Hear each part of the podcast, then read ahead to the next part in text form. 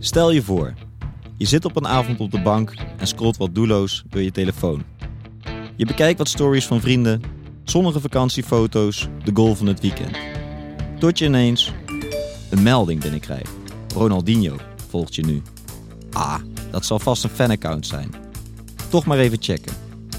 Hmm, wacht eens even. Deze Ronaldinho heeft meer dan 60 miljoen volgers. En hij volgt maar een paar mensen, waaronder mannen als Lionel Messi en Kylian Mbappé. Het zal toch niet echt? Nee. Het zal toch niet daadwerkelijk de echte Ronaldinho zijn? Ronaldinho volgt mij. Ik klik op Ronaldinho's page. Nou, het was hem echt. En toen ging wel, uh, toen dacht ik wel van Jezus, dit kan wel uh, heel serieus worden. Je luistert naar VV het voetbalverhaal. In deze serie neemt een top 10 van vertellers je mee in de wonderlijke wereld van het voetbal. Die is namelijk groter dan de eindeloze stroom aan roddels, relletjes en primeurs. In deze aflevering hoor je voetbaljournalist Dave Albers, die uitstekende verhalen opschrijft in Voetbal International en Staantribune. Hij heeft meer telefoonnummers van bekende voetballers dan van familieleden in zijn telefoon. Als straatvoetbalfan stuitte hij op het epische verhaal van Ismail Hamdawi, een jongen uit Amsterdam-Oost die in het sterrenstraatvoetbalteam van Ronaldinho belandde. Het verhaal van Ismail Hamdawi, beter bekend als Izzy Hitman.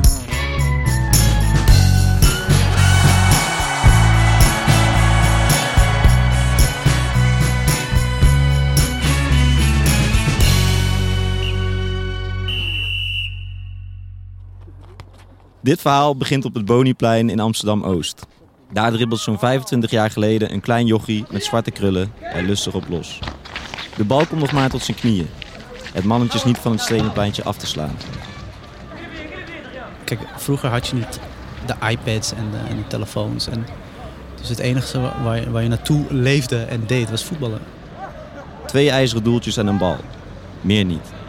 Pas als de lantaarnpalen gaan branden, weten dat het tijd is om naar huis te gaan. Ik had altijd alleen maar een bal.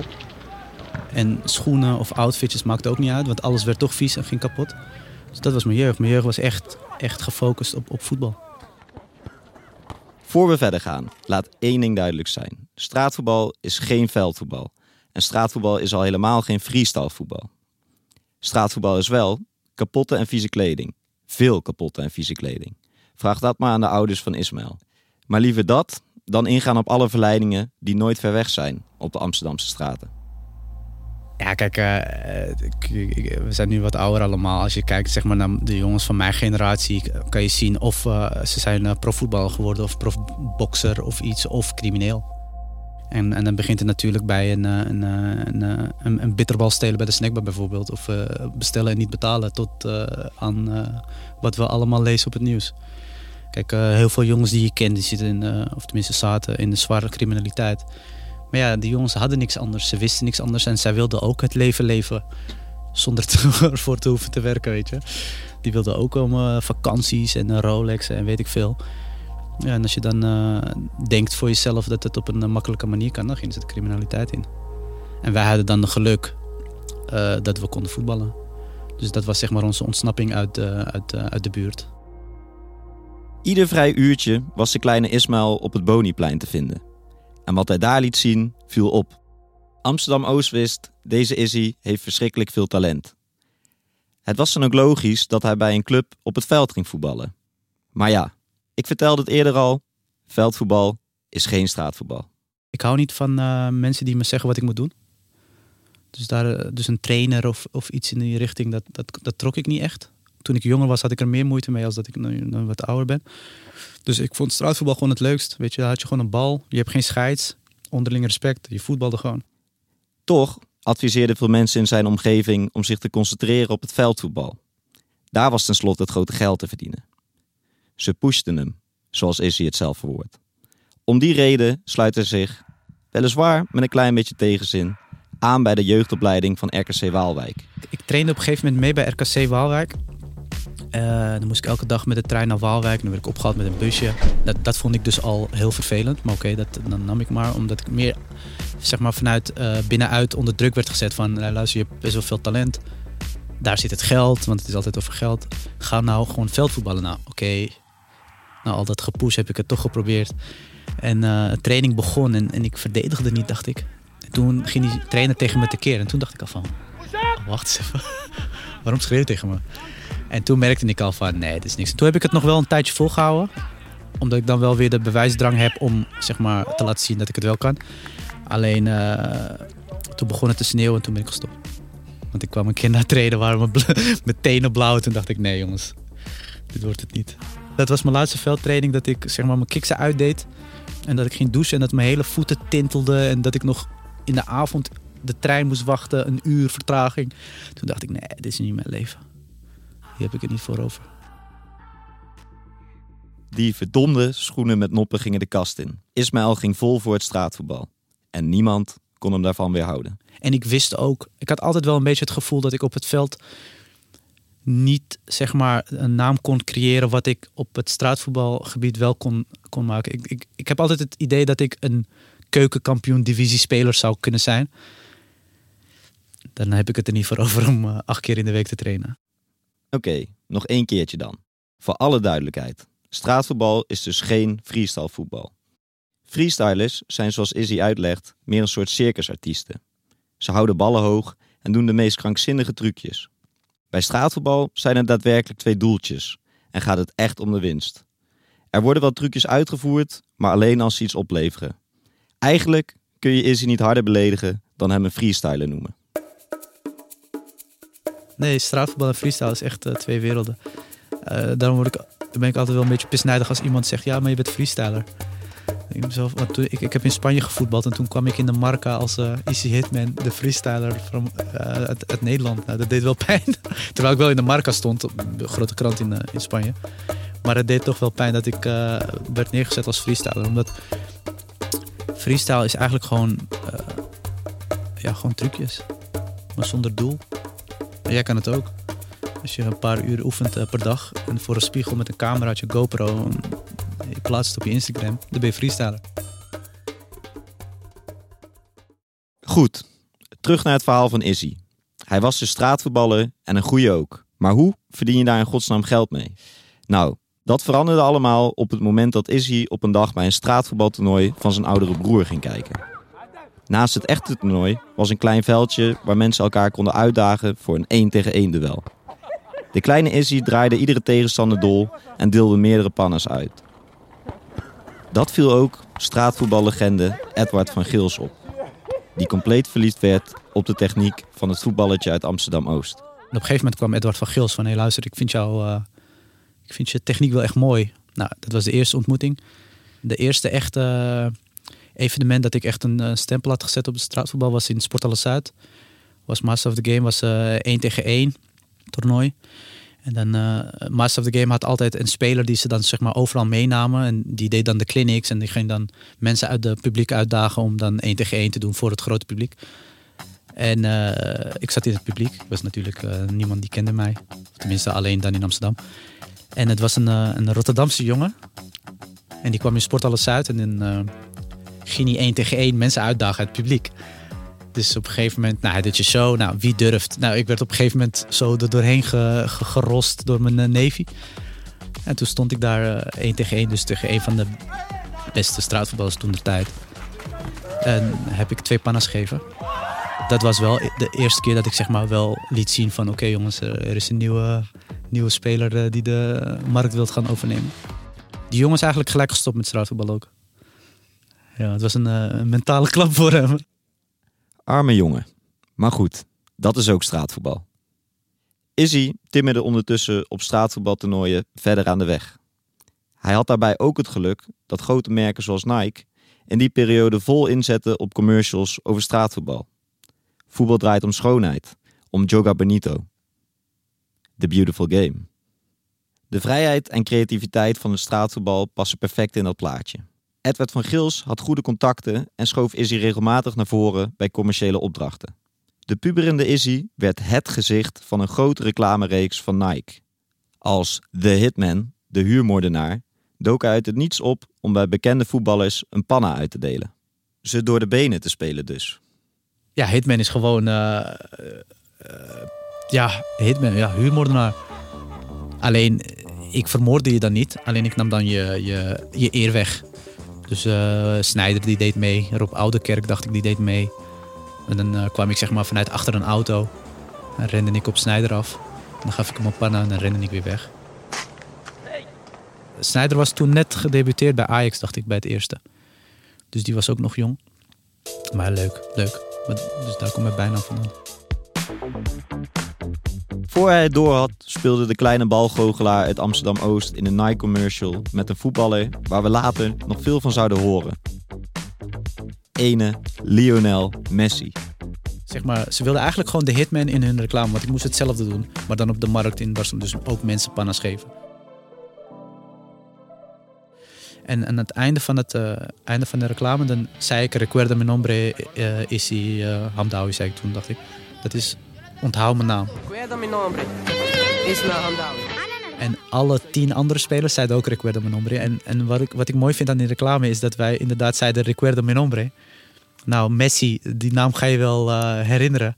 En in de straatvoetbal zullen ze mijn naam ook wel herinneren. Dus dat is wel het mooie van die, uh, van die reclame. Recuerda mi nombre. Leo Messi. Rond de draaidag in Barcelona stond ook een etentje gepland. Samen met de latere, zevenvoudig gouden balwinnaar. Maar ja, boeide de jonge Izzy dat wat? Toen zei ik nee, ik, ik wilde naar de Zara. Dus ik ben gaan shoppen met mijn broer. en of ik daar spijt van heb, ja, daar heb ik wel spijt van. Maar zo, dan kan je dan een beetje ook inzien hoe, hoe, hoog ik het in mijn bolletje had. Ik wilde helemaal niemand zien. Ik had uh, drie uur hadden we ervoor uitgetrokken om de reclame te schieten. Nou, was peanuts, omdat het was gewoon, uh, ja, moest mensen pannas geven. Nou ja, dat deden we elke dag, uh, acht uur per dag. Dus dat was niet heel moeilijk. Nou, alles in één take bijna geschoten. Alleen de Recuerda Mi Nombre, daar had ik moeite mee. En toen ik klaar was, zei ik, nou jongens, uh, aju paraplu, ik ga Barcelona in. Izzy won het ene na het andere toernooi in de lage landen. Rond zijn zeventiende reisde hij de hele wereld over om internationale straatvoetbaltoernooien te spelen. Van Vancouver naar Londen en door naar Rio de Janeiro. Soms met profvoetballer Edgar Davids aan zijn zijde, die ook meedeed aan het toernooi in het buitenland. Een jongensdroom, maar je hebt het inmiddels misschien in de gaten. Izzy is niet zo gauw onder de indruk. Zelfs niet in een levensgevaarlijke Braziliaanse favela. Ja, kijk, wat ik nu ga zeggen klinkt misschien heel raar, maar vroeger, kijk, wij keken niet op naar andere uh, jongens. Weet je, uh, en dat is ook het verschil met de oudere generatie en de nieuwe generatie. Kijk, ik heb het idee dat nu iedereen iemand anders wil zijn. We, als ik ook naar mijn neefjes kijk, dan willen ze Touzani zijn en ze willen Messi zijn en Ronaldo zijn. Ik wilde vroeger niemand zijn. Ik was op mezelf. Dus dat ik met Edgar Davids natuurlijk in Brazilië was, dat was natuurlijk top. Alleen als ik met jou in Brazilië was en ik kon ook voetballen, was het voor mij ook top. Wij hadden dat niet, dat, dat, dat uh, van oh, hij is profvoetballer, dus nee, helemaal niet. Kijk, Brazilië, kijk, wij, uh, wij maakten op een gegeven moment naam als Amsterdam de straatvoetbal uh, walhalla van de wereld. Alleen Brazilië, die claimde dat toch altijd, weet je. Kijk, dat samba voetbal en... en toen kwam Edgar Davids dus op het idee om die jongens daar te gaan uitdagen. En dat hebben we gedaan. We zijn gewoon de favelas ingegaan. We hebben de eerste dag dat we kwamen in Rio de Janeiro, hebben we gewoon twee of vier flesjes op de grond gezet. En we hebben gewoon de lokale spelers hebben we uitgedacht. Ja, je komt daar natuurlijk heel ver van huis. En uh, je hoort natuurlijk wel de verhalen. En uh, je mocht geen ketting meenemen en badslippers en weet ik veel. Alleen voetbal verbindt. Wij komen niet daar om ze te judgen of om iets van ze af te pakken. Wij brengen, wij brengen een bal met ons mee. We laten ze iets zien wat ze nog niet kenden. Dus ja, het is gevaarlijk als je als normale toerist daar komt. Alleen voor ons Weet je, uh, ik kan me nog herinneren dat er een man zat met, op met een pistool op zijn schoot. Die zat dan naar ons te kijken. Nou ja, prima. ja. Uh, wat ik wel achteraf had gehoord is dat, dat er wel werd betaald voor beveiliging.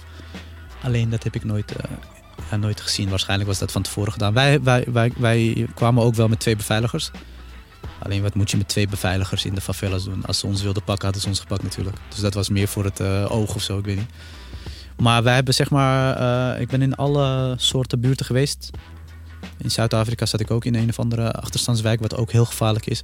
Alleen als je komt met de bal, En je brengt, wij brengen iets hè, naar, de, naar, de, naar de buurten. Kijk, ik, ik kom met een bepaalde vreugde. Iedereen is blij, iedereen voetbalt. Ze zien dingen die ze nooit hebben gezien. Dan vergeet iedereen om, om je te, te beroven. Of ze zijn al lang blij. En het is echt heel raar hoe dat, hoe dat zo heel snel werkt. Want je komt inderdaad aan en dan is iedereen zagrijnig. En iedereen denkt van, hé, wat doen jullie hier? Maar na 10 minuten voetballen is, eh, is iedereen vergeten. Wij komen ook overal. Hè. De ene keer zit ik met een uh, sheikh in eh, Saudi-Arabië op, eh, met de gouden lepels te eten. En de andere dag zit ik in een, eh, in een eh, tehuis in eh, Indonesië met kinderen die niks te eten hebben. Op de grond eh, te spelen met een bal. eh? Dus dat is het mooie van, van wat wij allemaal hebben gedaan. Als veldvoetballer was hij misschien nooit verder gekomen dan Almere en Dordrecht. Maar dat hij zoveel roem en waardering als straatvoetballer zou krijgen, Als ik op een toernooitje kom zeg maar, met straatvoetbal, ja, dan eh, word ik wel eh, niet met rust gelaten hoor. Best wel veel foto's eh, en handtekeningen. Maar ja, het is alleen maar leuk toch? Dat je, kijk, weet je, we zijn met iets begonnen ergens in Amsterdam. En uiteindelijk herkennen mensen je in, in, in, in elke hoek van de wereld. Daar kun je toch alleen maar trots op zijn. En dat is weer, dan wil ik weer, weer terug op, op dat iedereen me pushte dat ik moest gaan veldvoetballen. Maar met veldvoetbal had ik dit nooit bereikt. Dat ik gewoon in elke hoek van de wereld wel, die dan met straatvoetbal te maken heeft, wordt herkend. Dat, dat is eigenlijk bizar voor woorden. Dat ik een keer een jongen tegenkwam in een of andere achterstandswijk in New York. Met, met mijn foto op zijn, op zijn achtergrond van zijn telefoon. Dat, dat kan je niet beseffen als jongen zijnde uit Amsterdam-Oost. Dat, dat was... Dat is, dat is heel raar. Hij zei tegen mij, are you is the hitman? Ik zeg, eh, yes. Zei hij, oh look. Had hij een foto. Ja, hoe reageer je daarop? Ja, ja trots. Maar ja, raar. Raar. Izzy is nu zelfs een levensecht poppetje in het videospel FIFA. Kleine kinderen kunnen zijn ongelofelijke verhaal naspelen. Ik zit erin als eh, personage en een beetje ons verhaal. Dus zeg maar dat we als jonge jongens uit de straat het eh, grote podium overnemen, bla En dat kan je dan spelen als... Jij kan zeg maar het verhaal eh, spelen en ik ben een van de eindbazen. dat is eigenlijk te bizar voor woorden. Dat, je, dat een, groot bedrijf als FIFA, die Mbappé, Cristiano Ronaldo, weet ik veel, allemaal kunnen bereiken. Dat ze naar Amsterdam-Oost komen om mijn verhaal en het verhaal van Edward Vergeels te verwerken in een spel. Dat ze gewoon zodanig jouw verhaal waarderen dat ze dat verwerken in een van de meest of best verkochte spelletjes altijd. Dat is, dat is gek. Ismaël is een wereldwijd straatvoetbal-icoon geworden. Met een eigen truc. Iedereen die wel eens in de buurt van een trapveldje is geweest, die kent hem wel. De AK 3000. We waren in Canada voor eh, FIFA Street. En dan krijg je zo'n mask, eh, zo'n eh, pak aan, weet je, motion capture heet dat. En dan moesten we, zeg maar, kregen we een lijst. En dan wilden ze bepaalde trucjes hebben die ze dan, zeg maar, in het spel gingen doen. De basistruc van de AK 3000 die bestond al. Dat was al gewoon altijd een, simpele truc. En die wilde ik eigenlijk ook doen. Maar me, de bal bleef hangen. Terwijl ik de draai maakte. En zo is hij eigenlijk uitgewerkt tot de AK 3000. En het grappige van het verhaal is van die AK 3000 is dat ik het toen had gedaan in Canada. En nooit meer gedaan. Want hij werd een beetje afgekraakt. Maar hij was toen ook nog niet in zijn, in zijn mooiste vorm, zeg maar. Het was nog haperig, dus ik snapte het toen wel. Dus nooit meer gedaan, hè. Nooit meer gedaan. Totdat uh, de lancering van FIFA Street was. In de Bijlmer was het voor de arena. En toen had ik hem gewoon weer gedaan. Gewoon uit het niets weer, hè. De AK 3000 is een bijna onmogelijke truc die ongeveer zo gaat.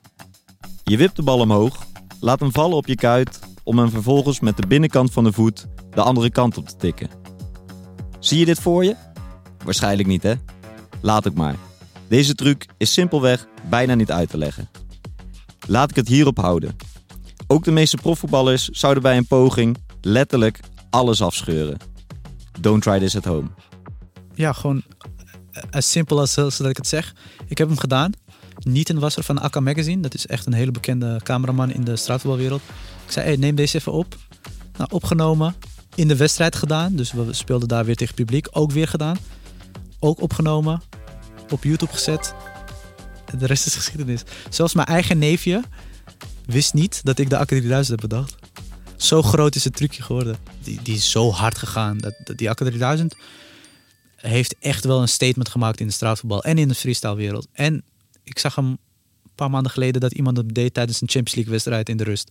Dat trucje is zo gigantisch groot geworden dat als ik het wist op voorhand, dan had ik het natuurlijk gewoon Ismail Hamdawi genoemd.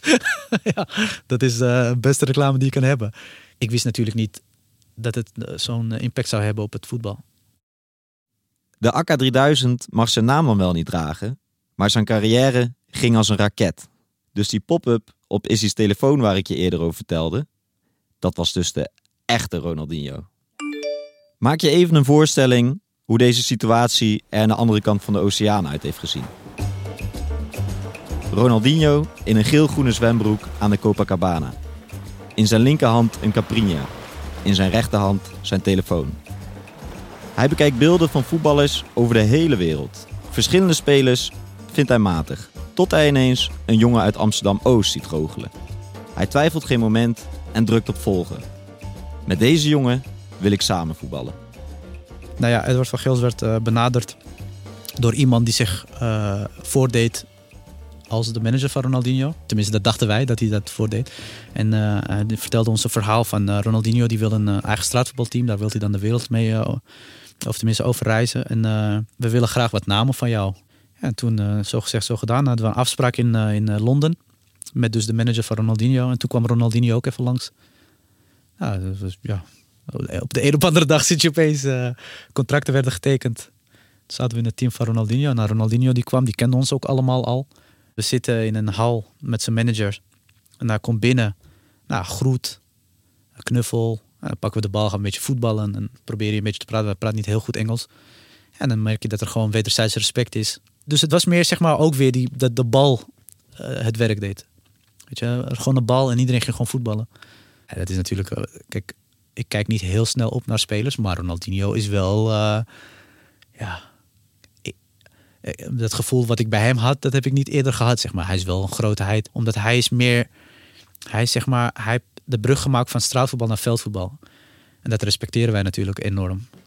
Izzy speelt toernooien over de hele wereld met Ronaldinho. Als team worden ze ingehuurd op toernooien van Mumbai tot Miami. Vriendschap wil hij het niet noemen, maar door al die buitenlandse trips heeft Izzy inmiddels een goede band met de Braziliaanse wereldster.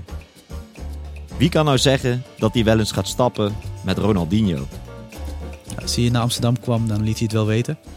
En dan gingen we gewoon uit. We zijn gewoon, ja, ik wil niet zeggen vrienden, maar als hij in Amsterdam is, dan laat hij wel weten dat hij in Amsterdam is. En dan neem ik hem mee, dan gingen we naar Superclub of whatever. Dus dat is wel leuk. Het is een aardige feestbeest, kan ik je vertellen. Nee, Ronaldinho die houdt wel van een feestje. Kijk, als, als je met Ronaldinho bent, merk je dat Ronaldinho echt wel de grootste voetballer is in de wereld. Kijk, ik heb natuurlijk niet. Want ik, ik denk dat die gekte nog gekker is zeg maar, bij Messi en Ronaldo. Maar dat, dat heb ik nooit meegemaakt. Maar van, wat ik, van welke profvoetballers ik dan heb gezien of bekende mensen, is Ronaldinho wel echt iemand die alles en iedereen uh, beweegt als hij er is. Dus uh, inderdaad moet ik zeggen, ook in Amsterdam, de Amsterdamse bluff. Dat ik met hem was in Superclub en dat je zeg maar ook die stoere jongens die wilden ook een foto met Ronaldinho. Dus die lieten ook dan hun trots. En dat heb ik niet met andere, nog niet met andere voetballers of bekende mensen gezien.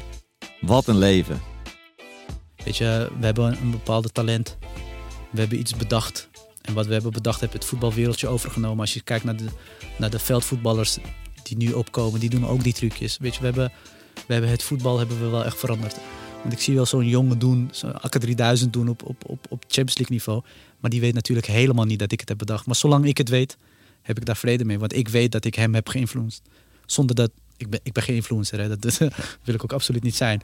Maar toch heb ik een bepaalde bijdrage geleverd aan het allerhoogste niveau van de wereld. Veldvoetbal. Dat is voor mij top. Het gaat allemaal als je je hoofd neerlegt op de kussen. Hoe, hoe voel je je? En als je dan daar een fijn gevoel bij kan hebben, dan heb je het goed gedaan in je leven, toch? Zelf had hij als jochie op het Boniplein nooit durven dromen dat zijn leven zo zou lopen. Eén ding is zeker. Dit was hem als voetballer in de keukenkampioen-divisie nooit gelukt. Ja, ja, ja, ja, ja. Daar had ik uh, Almere en had ik acht keer in de week moeten trainen. Had ik nooit gereisd. Hadden ze waarschijnlijk een keer over me gepraat bij uh, Veronica Inside. Snap je? Dus het is... Kijk, nu heb ik met... Nu kent Ronaldinho me. Ik zit in een computerspel ik denk niet dat ik dat had bereikt als, als veldvoetballer. Zei jij het nou echt? Jij kan het ook? Als jullie me zoeken, Ik ben op het plein hierachter de AK 3000 aan het oefenen. Volgende week het verhaal van twee Italiaanse doelmannen die werkelijk om alles streden. De eer van de stad, een plek in het nationale elftal en het hart van dezelfde vrouw. Michel Dodeman heeft zich verdiept in deze tja, toch wel romantische zagen en vertelt je het in de volgende aflevering. VV Het Voetbalverhaal is een podcast van Dag en Nacht Media en Podimo. Mijn naam is Jan Bavink. Dit verhaal werd geschreven en verteld door Dave Albers. Sounddesign en muziek door Bas van Win en Jeroen Jaspers.